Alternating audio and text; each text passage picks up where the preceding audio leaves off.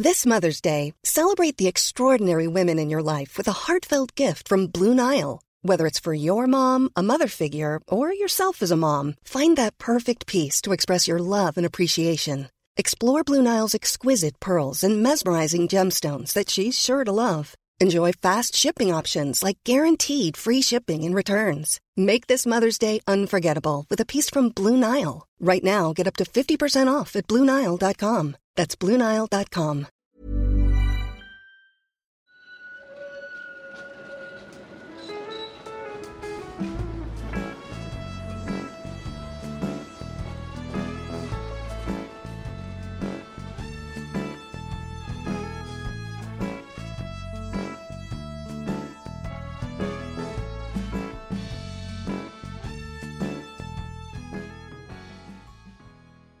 Ja men hej och välkommen till Gator och torg i Göteborg.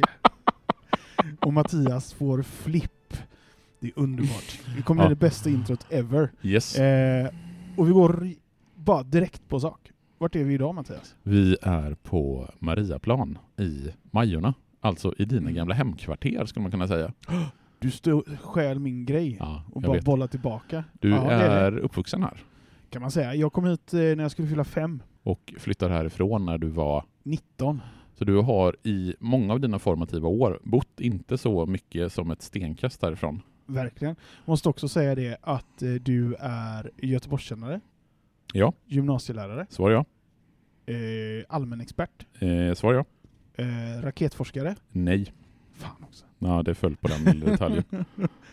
Men eh, det kan ju vara viktigt för folk att veta ändå. Mm, För det har jag, de aldrig fått höra förut. De som nej, precis. De som är eh, trogna lyssnare vet nog vid det här laget vad jag tror att jag är. Mm, mm. Men jag tror framförallt att du är allmänexpert på Mm. allt. Jag kan allt. Är det något Ja. du vill veta Daniel? Jag vill veta om eh, Majorna 8000 BC. Alltså before Christ. Indeed. Stenåldern. Är Du, det det som är stenåldern? Ja. Det är inte som vi pratade om där på, på. Victoriahuset som eh, var byggt i sten, ja, därför stenåldern. ja, Tyvärr är det inte så enkelt. Nej, Så. vi brukar ju oftast spola fram vår historieskrivning till typ 1600-talet, ibland medeltiden. Mm. Några gånger har vi varit i de äldsta epokerna, alltså stenålder, bronsålder och Mm. järnålder. Och när vi är vid Mariaplan så går det ju faktiskt att nämna att vid eh, Sandarna, som inte ligger jättelångt härifrån, Mm. så nu vet jag inte om det pågår fortfarande, men det har åtminstone ganska nyligen varit utgrävningar Har det varit samband, mer utgrävningar? ja, i samband med att man ska bygga den här nya fixfabriken och de Aha. kvarteren där så har man gjort vad man tror är de sista utgrävningarna på väldigt länge. För när man väl Mm. bygger husen vid fixfabriken så blir det svårt att gräva där under. Men man kan i alla fall konstatera att i de här delarna som idag är Majorna så har det funnits människor i tusentals år, alltså Mm. sedan stenåldern. Men eh, ja, men vi börjar väl där då. Eh, stenålder eh, och sen då? Sen spolar vi fram jättefort. Ja. Vi spolar över bronsåldern, järnåldern och hoppar någonstans fram till medeltiden. För Så det fanns inga vikingar? Man kan ju inte säga så mycket om den här perioden, alltså järnålder och bronsålder och liknande. Vi kan prata om när det är och vi kan prata om att det fanns människor här. Men i och med att vi inte har några skriftliga källor från den här tiden så Pratar är det, göteborgska? det har jag svårt att tänka mig. Vi kan inte veta vad de hade för dialekter.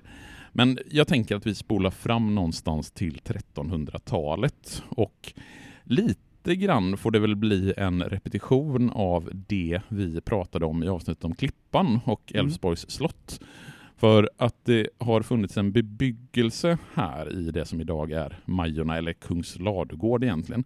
Det går ju tillbaka just till Älvsborgs slott som började byggas någonstans på 1300-talet.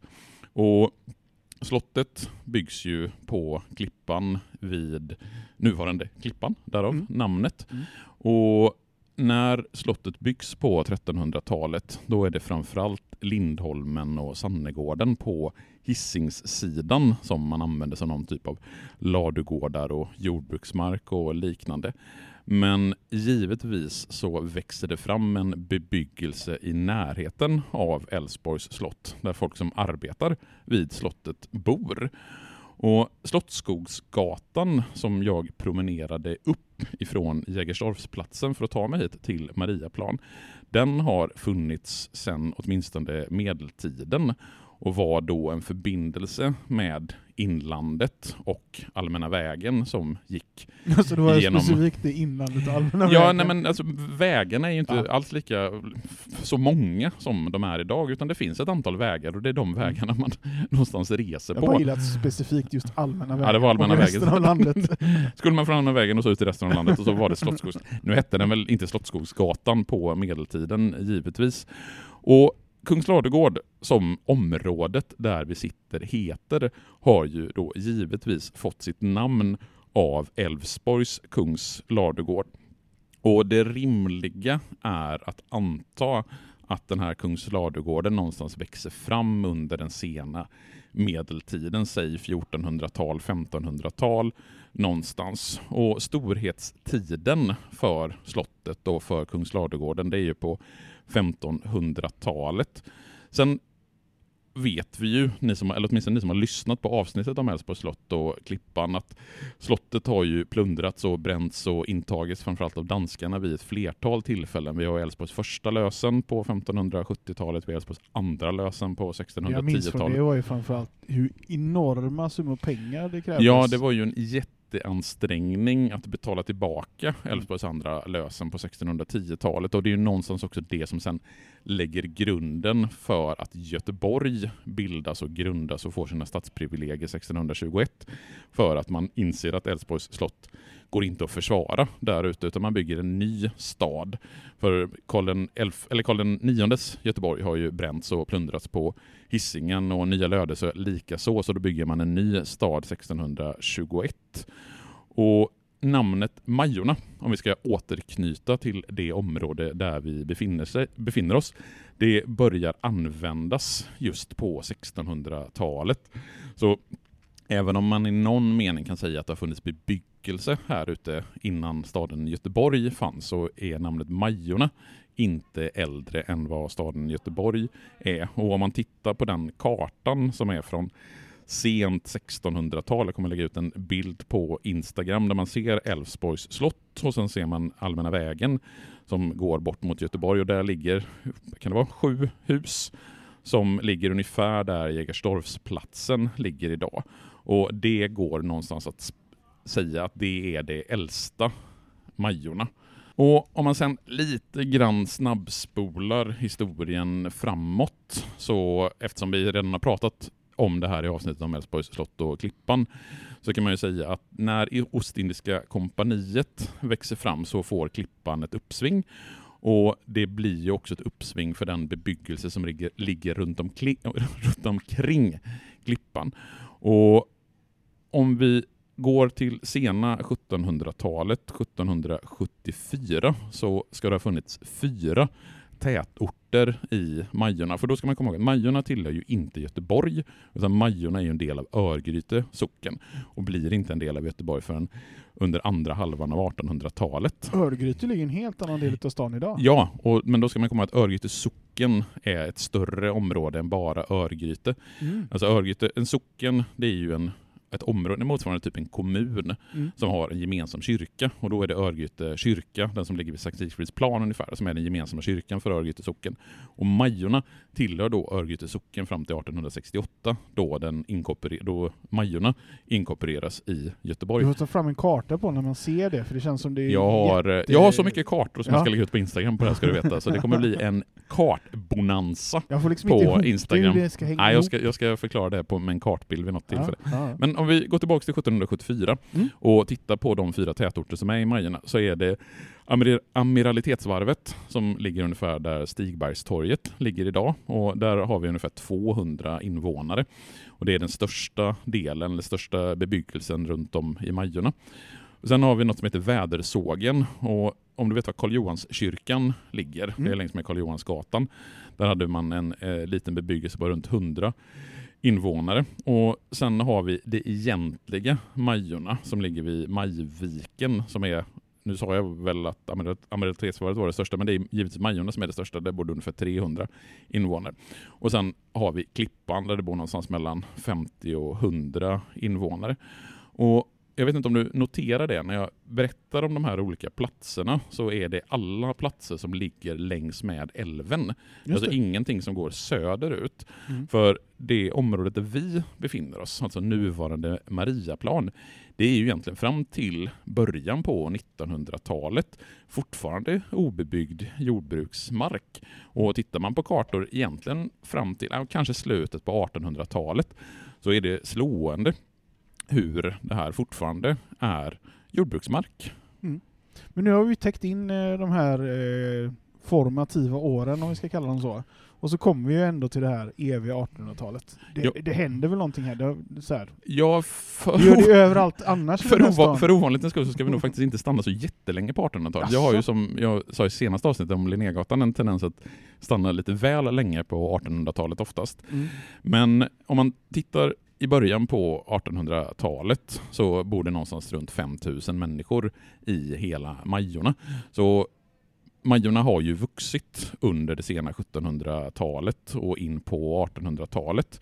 Och då är det i Klippan, runt Karl Johanskyrkan och vid Amiralitetsvarvet fortfarande som liksom ansamlingarna av människor är. Sen kommer det ju lite grann av en nedgångsperiod för Majorna under det tidiga 1800-talet. Dels så försvinner det Ostindiska kompaniet. Dels så kraschar kontinentalblockaden, den göteborgska ekonomin. Vad, vad vad vad det Kontinentalblockaden det är ju i samband med att eh, Napoleonkrigen Aha. och den göteborgska Ja, just det, just ekonomin eh, kraschar när man inte längre kan vara en frihamn Det pratar vi om någonstans. något annat avsnitt om. Det har vi pratat om i ett tidigare, det var nog i avsnittet om Klippan, Ja, just som det, vi pratade just om det. Så vill ni veta mer Just om det så ska ni gå tillbaka till avsnittet om Klippan där vi ger en lång bakgrund kring Jag vet det en krasch vi nog aldrig har nämnt. Vilken är det? Krügerkraschen. Det får vi på något sätt smyga in i något. Jag ska se om jag kan hitta någon ingång till att göra ett avsnitt där vi kan prata om Det Krügerkraschen i känns som Göteborg måste ha drabbats av det. Det är klart att det gjorde det på något sätt. Jag ska bara hitta någon plats som Ja, går ja. att knyta till Krügerkraschen Det på något finns sätt. ingen eh, torg eller någonting döpt efter Kryger. Nej, inte här i Göteborg i alla fall. Kan finnas på någon annan plats, men inte här i Göteborg så finns det ingen Kryger. Men om vi ska fortsätta på 1800-talet, så det som händer under 1800-talet, och det vet ju alla lyssnarna på det, det är ju indust- industrialiseringen som givetvis också också påverkar Majorna. Även om det kanske inte byggs jättemycket industrier specifikt i Majorna, så de människor som jobbar på industrierna, alltså arbetarna, de bosätter ju sig i stor utsträckning i stadsdelen, eller den delen av Örgryte socken som fortfarande det är, som heter Majorna. Och det finns någon beskrivning, jag kommer inte ihåg exakt vilken bok det är jag hämtade den beskrivningen, men jag tycker den är ganska träffande. Att Majorna i skiftet någonstans från 17 in på 1800-talet går från att vara ett samhälle med kustbebyggelse, alltså liknar någonstans Bohusläns kust, där husen klättrar upp längs med klipporna. Mm. Och ja, men Tänk ungefär som man är ute, uppe i olika öar uppe i Bohuslän, Mm. till att snarare bli en arbetarstadsdel med, som är trångbebott, där arbetarfamiljer flyttar in. Men det verkar fortfarande inte vara riktigt lika trångt som Haga. Jag skulle nog säga att vi är på ungefär samma nivå. Borde det inte jättemånga i Haga? Det På en väldigt borde... liten yta. Ja, jo, Haga kanske var något mer trångbott, men bostadsstandarden åtminstone Mm. var väl eh, åtminstone lika låg i Majorna. Sen införlivas då Majorna och det här området 1868 i Göteborgs stad. Men eh, alla de här införlivningarna och så, eh, tänker jag måste ha haft någon ganska specifik effekt på staden. Hur Alltså, påverkar det för- att Majorna blev en del utav det? Ja, för det som är kanske mest intressant för våran del och för Gator och torg i Göteborgs del, det är ju där hur man ritar stadsplaner. För när Majorna blir en del av Göteborgs stad 1868, då försvinner ju den här oreglerade staden. För när Majorna är en egen del av Örgryte socken så är bebyggelsen väldigt oreglerad. Man får liksom bygga hus lite hur man vill. Vilket gör att de, den bebyggelse som finns, framförallt längs med älven, den kan ligga lite här och lite där. Men när man blir en del av Göteborgs stad, då börjar också stadsbyggnaden regleras genom så kallade stadsplaner. Är det Och- lite så det fungerar? Att allting som inte är stad, där får man göra lite som man vill och så fort någonting blir mer till stad Det är så blir det mer så regler? som jag lite grann har förstått det. Att nu, nu är det ju lite samma över hela landet, men Mm. när vi går tillbaka till 1800-talet, i städer så regleras byggandet av stadsplaner. Mm. Och det som är i socknarna, det är lite mer oreglerat, eller väldigt mycket mer oreglerat. Men när nu Majorna då blir en, Göteborg, blir en del av Göteborgs stad, så börjar man också reglera framförallt stadsplanerna. Och de första stadsplanerna under det sena 1800-talet, det följer den här klassiska rutnätsmodellen som vi känner från centrala Göteborg med väldigt tydliga kvarter. Man rätar ut gatorna och tanken är att Karl Johansgatan ska bli den paradgatan som går in mot Göteborg där spårvägen ska gå. Så Allmänna vägen som tidigare varit allfartsleden som man har tagit sig från Majorna in till Göteborg tappar lite grann av sin betydelse och istället så blir det då Karl Johansgatan som blir paradgatan in till stan. Men kan du då beskriva hur du såg ut här runt Mariaplan? Ja, det var ju som sagt Mariaplan vi skulle prata om i Mm. synnerhet och kanske inte bara Majorna i Alltså det allmänhet. viktigaste vi ska prata om sen är ju Plaskis. Eh, jag, jag, tänkte att, jag tänkte att det var korvkiosk som skulle vara det viktigaste, men absolut, vi ska prata både om korvkiosk och plastik, även om inte det ligger specifikt vid Mariaplan. Nej, men om man tittar på kartor och läser beskrivningar om den delen av Kungsladegård som idag är Mariaplan, så är husen i allmänhet ganska ruskiga. Det finns väldigt många krogar runt omkring vid Mariaplan, vilket ju inte är någonting nytt, där människor som då bodde i de här husen hellre går på krogen än att lägga dem på att underhålla sina bostäder. Alltså det är inte spökhus vi pratar om när vi säger ruskiga. Nej, Det låter inte som ditt ord. Det låter som någonting du har läst någonstans. jag har citerat det här från, jag tror att det är Fredbergs, det gamla Göteborg, där att husen var i allmänhet ganska ruskiga. Nej men jag, jag tänker mig den bebyggelse som fanns här längs med Gråberget, längs med Slottsskogsgatan som för övrigt får sitt namn under sena delen av 1700-talet någonting, så låg det en lantgård som hette Ekedalen. Och återigen så kan man, om man tittar på den här kartan som jag har i, eh, på en bild där, som jag också ska lägga ut på Instagram, så ser man att det finns ett område som heter Ekedal där det ligger ett antal hus. Och runt den här lantgården Ekedal, som då låg ganska precis faktiskt där Mariaplan ligger idag, så hade vi dels ganska mycket skog och sen hade vi givetvis Svanebäcken. Och där tänker jag att du kan ha lite minnen, kanske inte från själva bäcken, men från Nej. den gata som har fått sitt namn efter Svanebäcken. Ja, alltså jag kom ju till Göteborg när jag var fem och då flyttade vi in på Svanebäcksgatan.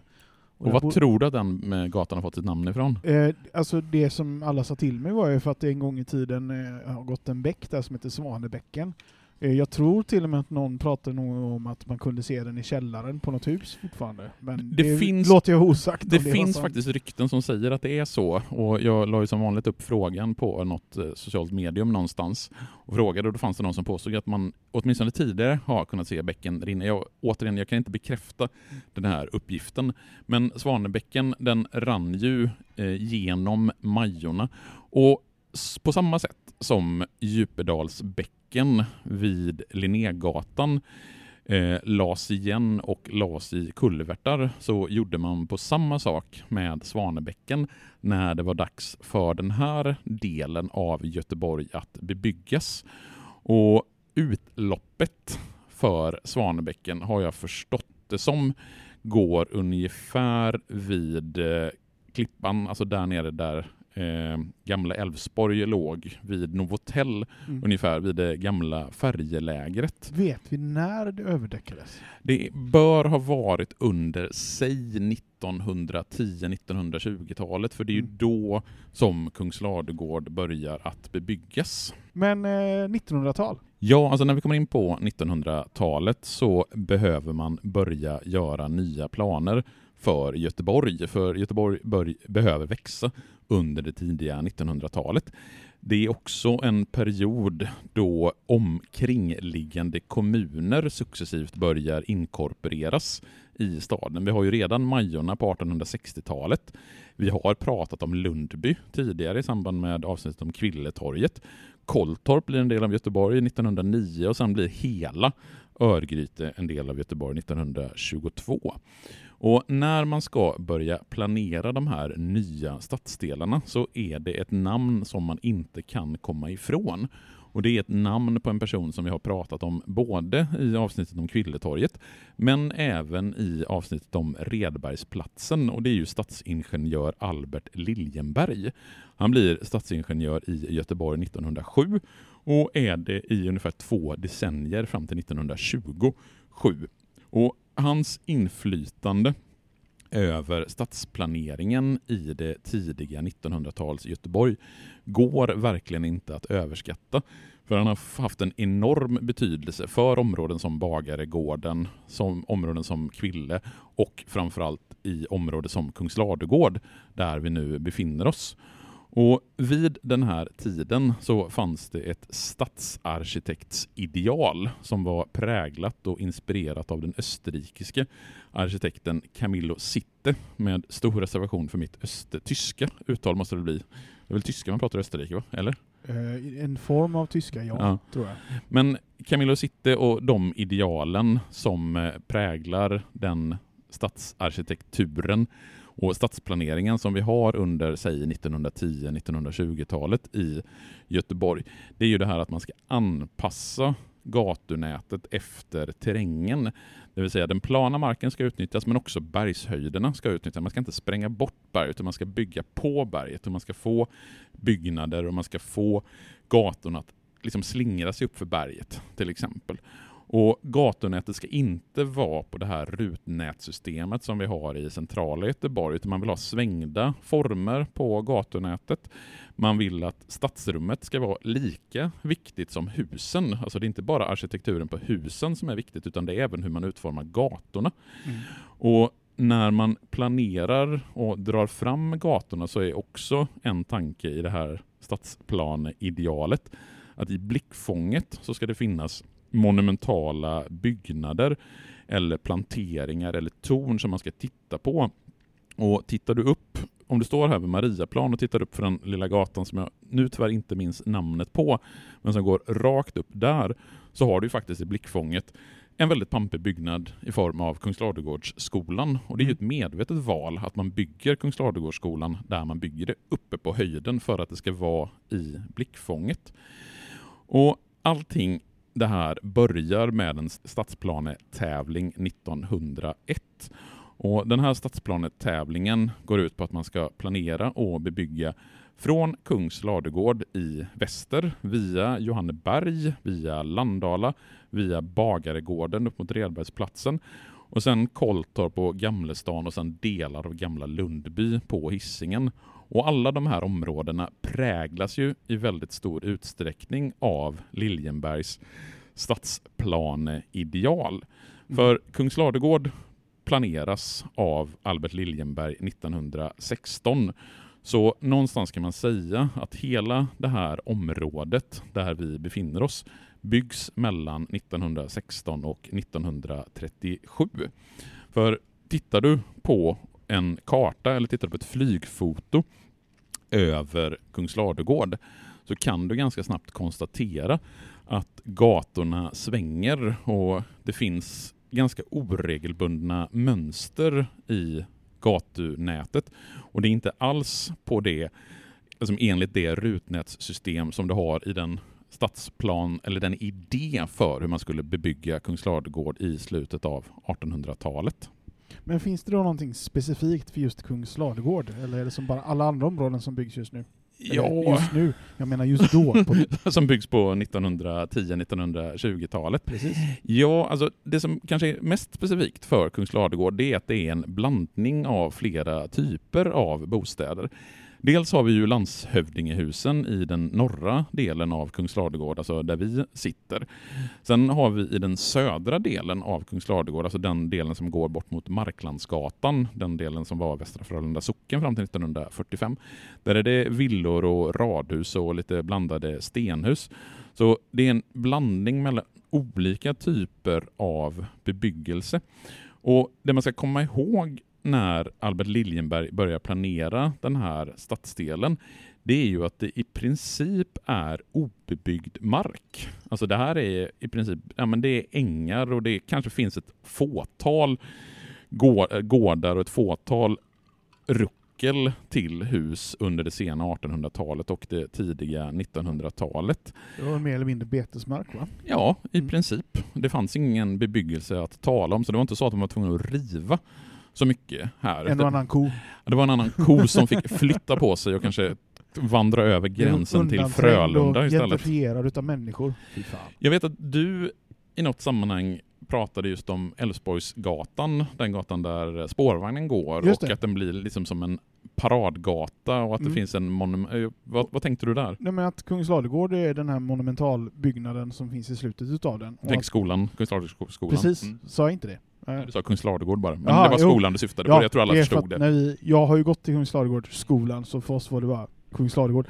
Eh, så det, det, man trillar väl tillbaks i det, och det syns ju väldigt tydligt. Det är ju en jättebred gata med en allé och det går spårvagnar och Mm. sånt där.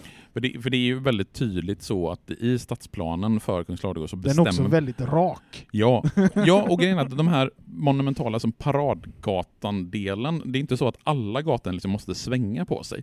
För du har ju ganska tydligt, Älvsborgsgatan som går nerifrån, ja, inte riktigt Jägerstorpsplats, men nerifrån Klippan där, Mm. upp, du har Kungsladugårdsskolan som en liksom, i blickfånget som en monumentalbyggnad. Sen har du Mariagatan som går härifrån bort mot Sandarna, som också är en väldigt rak gata, alltså Mm. där spårvagnen går. Så det är en blandning mellan de här liksom, genomfartsparadgatorna som kombineras med gator som svänger på sig, kröker kvarter som lite grann kröker på sig. Och när Albert Liljenberg planerade och tänkte hur den här stadsdelen skulle bebyggas så hade man en idé om att man skulle bebygga Kungsladugård med stenhus i fyra våningar. Men man bestämde på 1920-talet att man skulle modifiera det och istället bebygga det med landshövdingehus. Jag har hört angående landshövdingehus att de kom till på grund av brandregler. Men är det inte så? Jo, det är precis så Ja. som det är. För landshövdingehusen, de är ju tidigare än vad Kungsladugård bebyggs. För ska vi förstå landshövdingehusens historia, och landshövdingehusen är ju en jätteviktig del av Kungsladugårds identitet någonstans. Alltså man Det har kan väl inte lite blivit en del av Göteborgs identitet. Ja, även om vi har kanske inte så jättemånga områden. Kungsladugård det är ju det största området, den största stadsdelen i Göteborg med landshövdingehus. Annars har vi kanske inte jättemycket landshövdingehus kvar. Det revs ju väldigt mycket landshövdingehus i mitten på 1900-talet. Men absolut, eh, i Göteborg i allmänhet förknippas med landshövdingehus och Majorna i synnerhet förknippas med landshövdingehus. Men det är inte här som det börjar.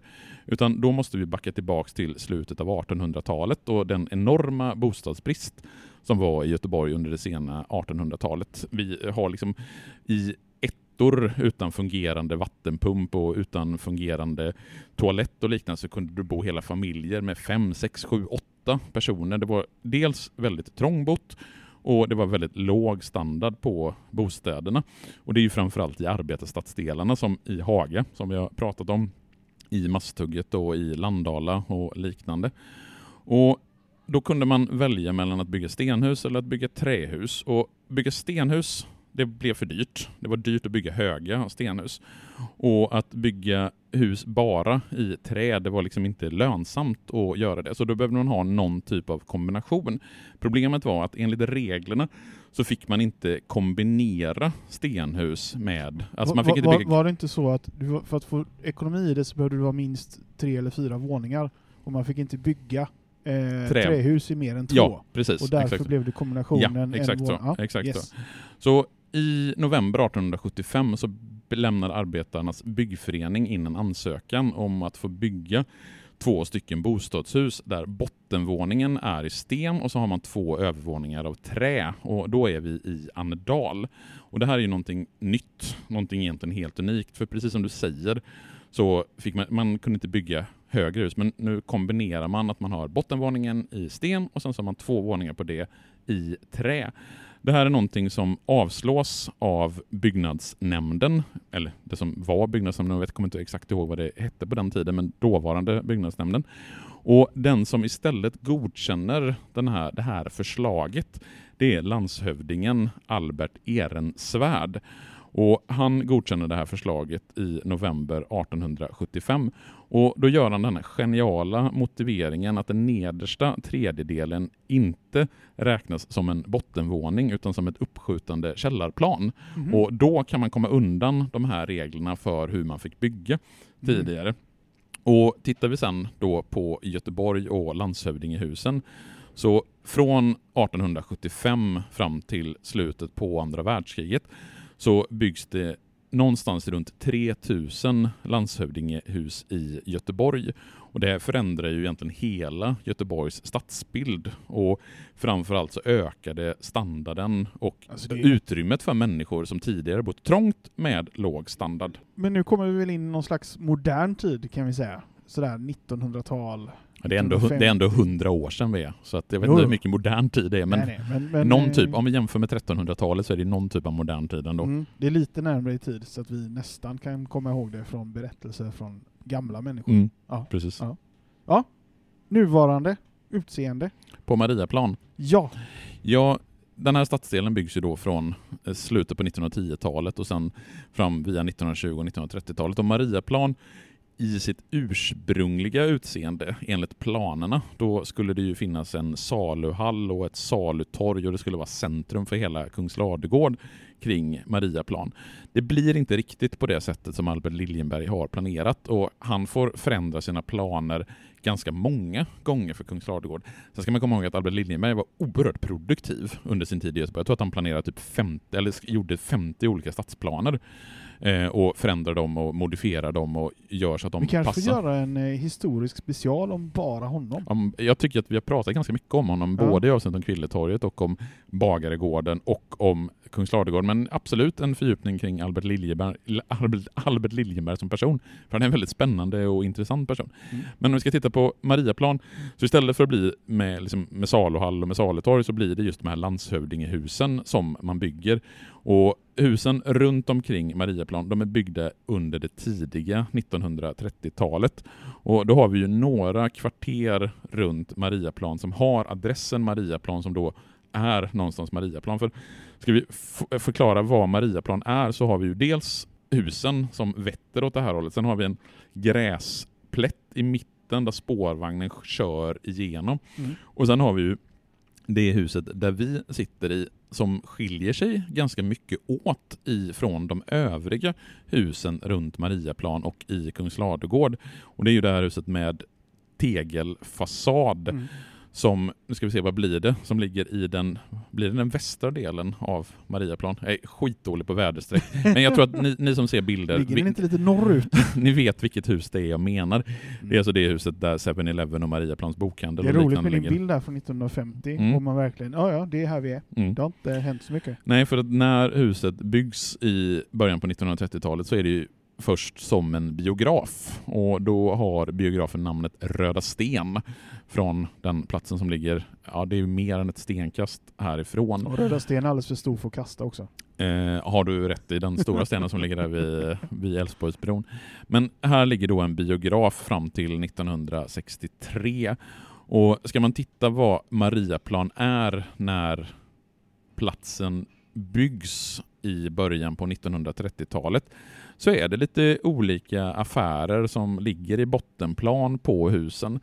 Det finns en SO-mack i det huset där Hyresgästföreningen har sina lokaler idag.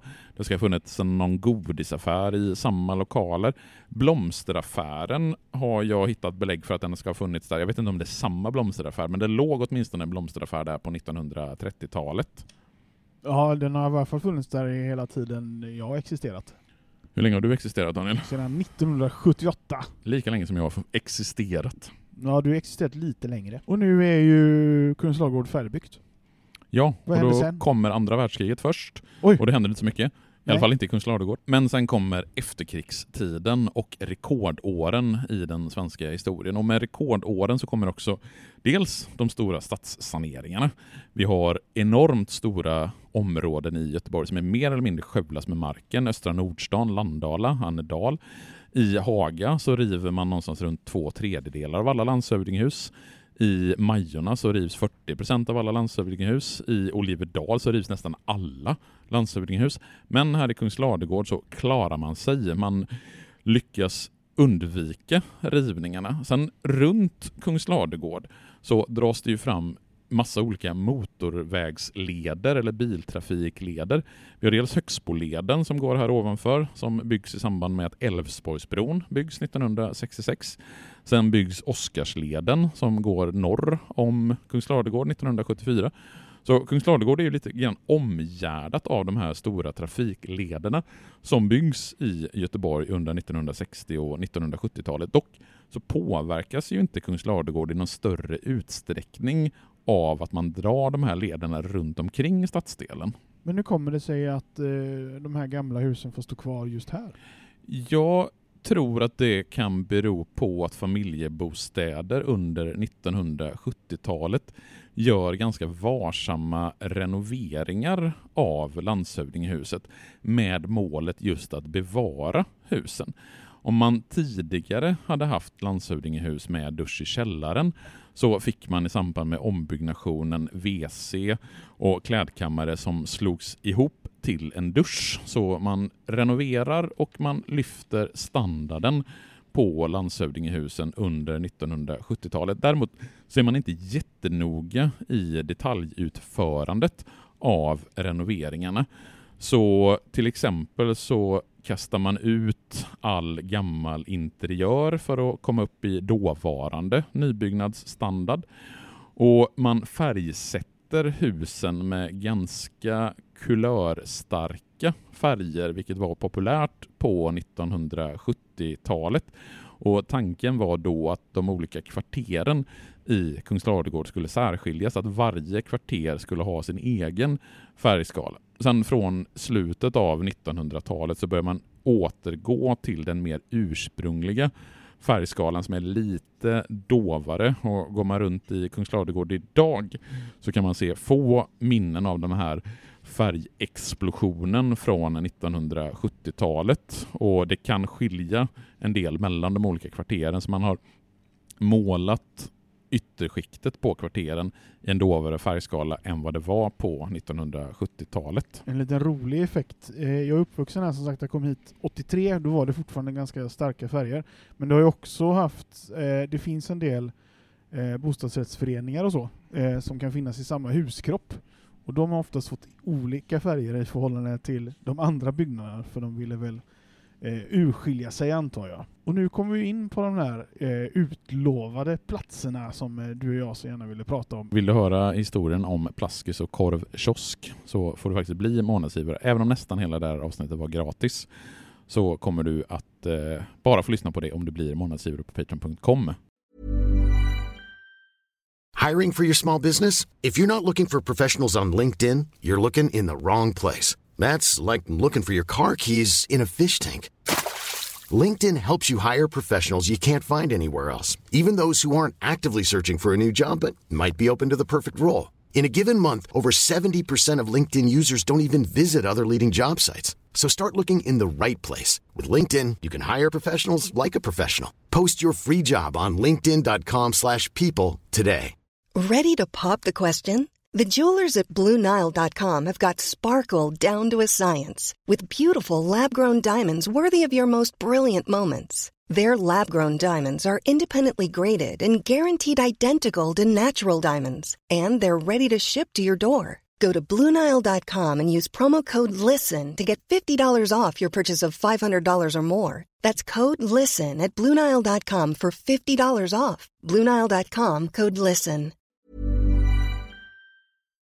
Ja, och nu när vi med kirurgisk precision har klippt ut de mest intressanta delarna eh, för våra Patreons så ska vi ändå ta oss igenom de senaste 20 åren utav Mariaplan och kanske lite framtidsspaning. Ja, någonstans kan man ju verkligen säga att de senaste 20, kanske 30 åren har förändrat Mariaplan väldigt mycket. För tittar man på hur Mariaplan uppfattades i det sena 1900-talet, alltså säg 90-talets Göteborg. Jag tänker ungefär när du växte upp här så har åtminstone jag fått beskrivet för mig att Mariaplan och området här omkring upplevdes som lite sunkigt. Att det fanns inte alls det utbudet av vad ska jag säga, fancy restauranger och lite hippa ställen som det är idag. Alltså så här, Damarco fanns. Och det är en ganska sunkig här. pizzeria. Det Eller var, var en det var den pizzeria. då. När, senast jag var på den, nu finns den tydligen inte längre lärde jag mig idag utav dig, eh, då var den inte alls sunkig längre. Eh, så. Och, och så finns det har det funnits lite, poppat upp lite andra pizzerior, men det har egentligen inte funnits någon utav de typen av krogar Nej. eller någonting sånt som finns idag. Och det skulle jag säga, det är den stora förändringen som Mariaplan har genomgått under 2000-talet. Att det har blivit den här typen av men lite finare ställen med lite dyrare öl och lite dyrare mat. Att det har fått sig ett lyft, skulle man kunna säga, i någon mening. Att det har blivit lite mer fancy, helt enkelt för att använda sig av ett svenskt ord. Men även om lyftet i någon mening att det har blivit lite dyrare restauranger så har man ju inte på samma sätt som i andra områden sett att hyrorna har stuckit iväg och att det har varit kraftiga renoveringar. För det man ska komma ihåg om Kungsladegård och den här delen av Göteborg och den här delen av Majorna, det är ju att det i stor utsträckning fortfarande är hyresrätter och att det är hyresrätter som ägs av kommunala fastighetsbolag. Mm. Att allmännyttan har ett väldigt stort ägande och ett väldigt stort bestånd i Kungsladegård. nästan allt äger de. Det finns några enstaka bostadsrättsföreningar, det finns en enstaka så här liten privat aktör, men väldigt, väldigt mycket av beståndet i Kungsladegård är ju allmännyttans bestånd. Mm. Och jag tror att det i stor utsträckning har påverkat att det inte har blivit de här omfattande renoveringarna i Kungsladegård som vi har sett på väldigt många andra platser runt om i Göteborg. Sen får vi verkligen se nu för att göra en framtidsspaning eftersom man nu har eh, politisk väg så att säga luckrat upp hur man ska utveckla staden så har man nu öppnat upp för att eh, människor som bor i Majorna ska kunna köpa loss eh, sina fastigheter. Ja, det har ju varit en utveckling som jag sett bara de senaste veckorna. Att eh, just det här att omvandla det till bostadsrätter.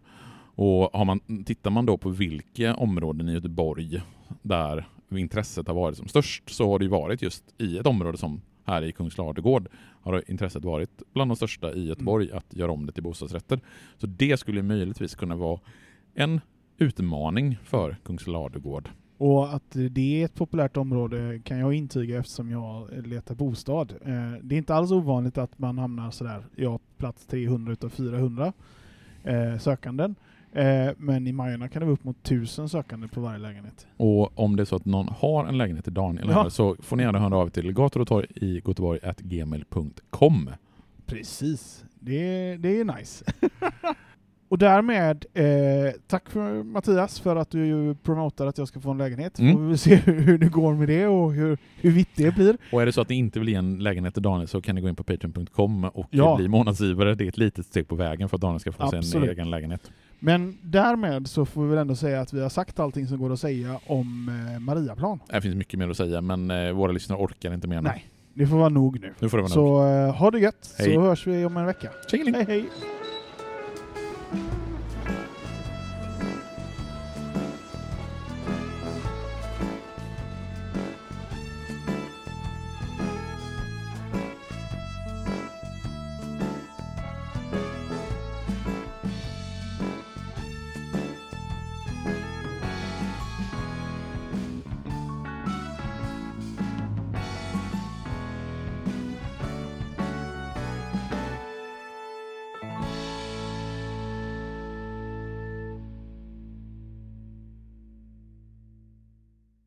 Gator och torg i Göteborg produceras av Reostat Media AB.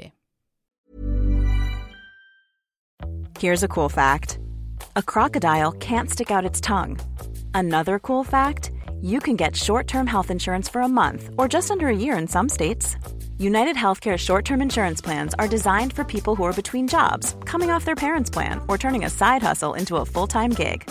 Underwritten by Golden Rule Insurance Company, they offer flexible, budget friendly coverage with access to a nationwide network of doctors and hospitals. Get more cool facts about United Healthcare short term plans at uh1.com.